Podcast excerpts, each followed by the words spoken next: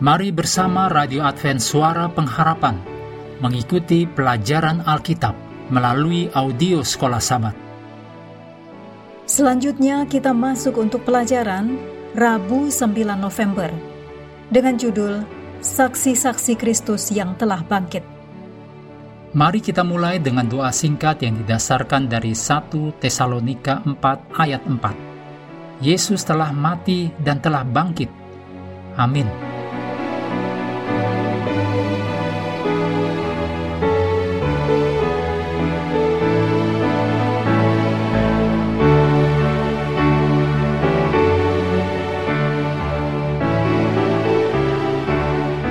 Yohanes 20 ayat 11 sampai 29 mencatat Yesus menampakkan diri kepada Maria Magdalena, lalu kepada para muridnya, kepada Thomas, juga mencatat reaksi para murid ketika mereka pertama kali bertemu dengan Kristus yang telah bangkit.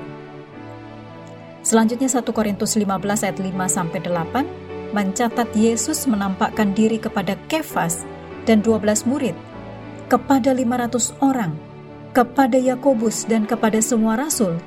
Juga diri Paulus berikutnya melihat Kristus yang bangkit menampakkan diri kepadanya. Kedua orang malaikat di kubur yang kosong itu berkata kepada Maria Magdalena dan beberapa wanita yang lain bahwa Yesus telah bangkit.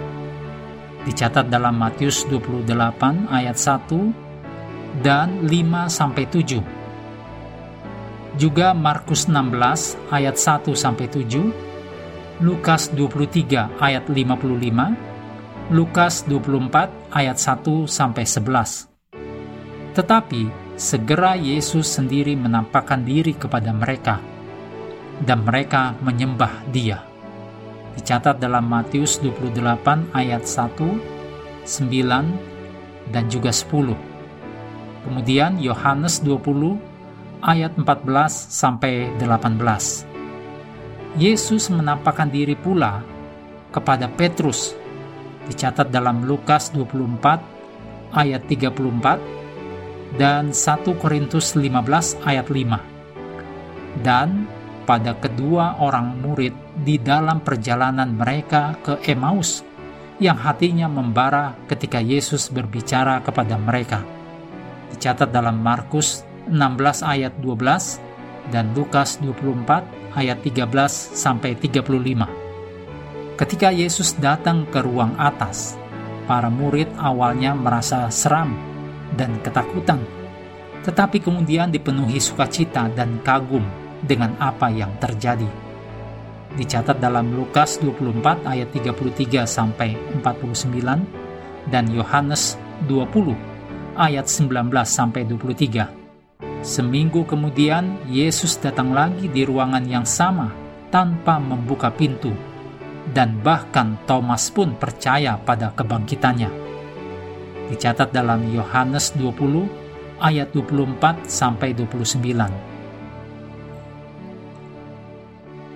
Selama 40 hari antara kebangkitannya dan kenaikannya, Yesus telah dilihat oleh lebih dari 500 saudara-saudara sekaligus Demikian dicatat dalam 1 Korintus 15 ayat 6 dan oleh Yakobus dalam 1 Korintus 15 ayat 7.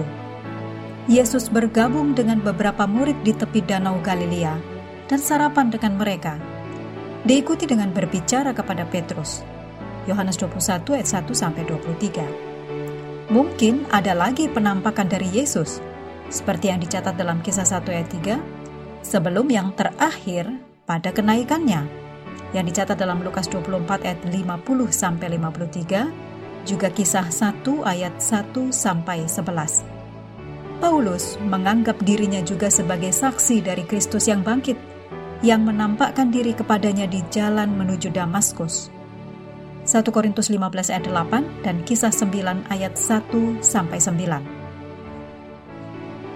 Ketika murid-murid lain pertama kali memberitahu Thomas yang tidak hadir bahwa mereka telah melihat Tuhan yang bangkit, reaksinya yang dicatat dalam Yohanes 20 ayat 25, sebelum aku melihat bekas paku pada tangannya dan sebelum aku mencucukkan jariku ke dalam bekas paku itu, dan mencucukkan tanganku ke dalam lambungnya, sekali-kali aku tidak akan percaya.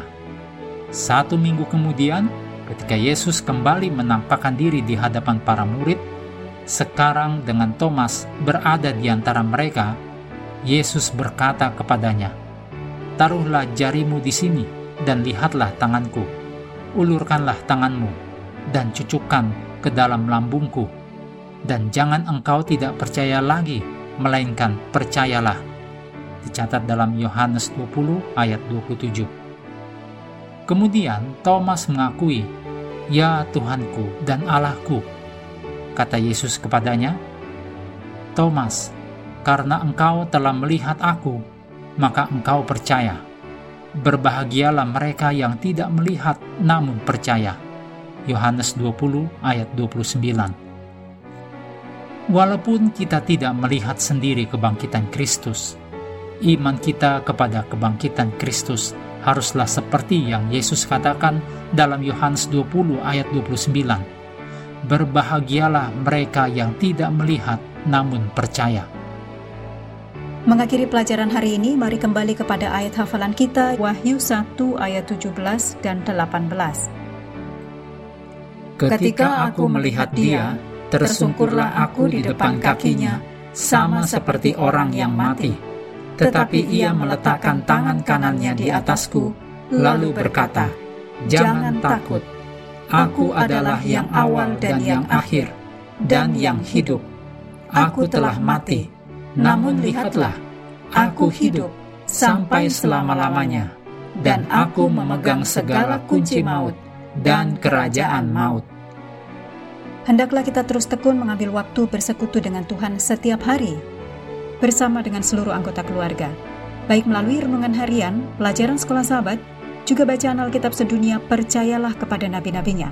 Yang untuk hari ini melanjutkan dari 1 Raja-Raja pasal 9. Tuhan memberkati kita semua.